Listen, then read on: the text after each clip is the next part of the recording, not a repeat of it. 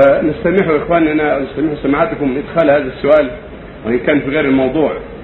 سماحة الوالد الشيخ عبد العزيز بن باز أمد الله عمره وأحسن خاتمته وجميع المسلمين. أحد الأخوة يقول حيث أنني أنوي السفر إلى الخارج في دورة دراسية وذلك غدا حرصت على أن أودعك أودعك وأودع إخواني الحاضرين وأحظى بدعوة صالحة منكم من الحاضرين بالثبات وأن ينفع الله بنا.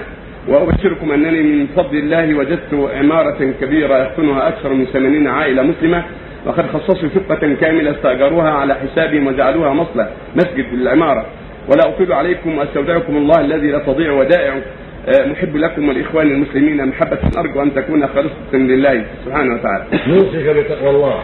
نوصيك بتقوى الله ونسال الله أن يجعلك في الحل والترحال. وان يكفي شر سفرك. وشر ما أمامك. ونسأل الله ان يعينك وإخوانك الذين معك على تقوى الله. وعلى القيام بأمر الله. وعلى التعاون على الخير. والتفقه في الدين. والحذر من أسباب الهلاك. فإذا سفر الخارج فيه اخطار كثيرة فينبغي المؤمن أن يحذر تلك الأخطار وإذا أمكنه الا يسافر إلا إذا كان ذا علم وبصيرة فيدعو إلى الله وينكر المنكر هذا فيه خير إن شاء الله. وإذا كان ليس عنده الكفاية والأهلية لهذا الأمر فالواجب عليه أن لا يسافر وأن لا يخاطر بنفسه فان هناك من الشرور ما لا يحصيه إلا الله عز وجل من الدعوة إلى الشرك بالله والكفر بالله والدعوة إلى الفواحش والزنا والخمور والنفاق وغير ذلك. فأمريكا وأنجلترا وفرنسا وإيطاليا وغيرها من دول الكفر والضلال فيها من الشر والباطل ما لا إلا الله عز وجل.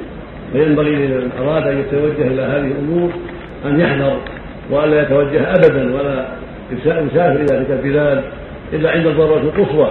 وما ما امكن أن يتعلم في بلاده ويتوقع في بلاده فهو خير له إن شاء الله. وأبعد له عن الشر. إلا في حال واحدة.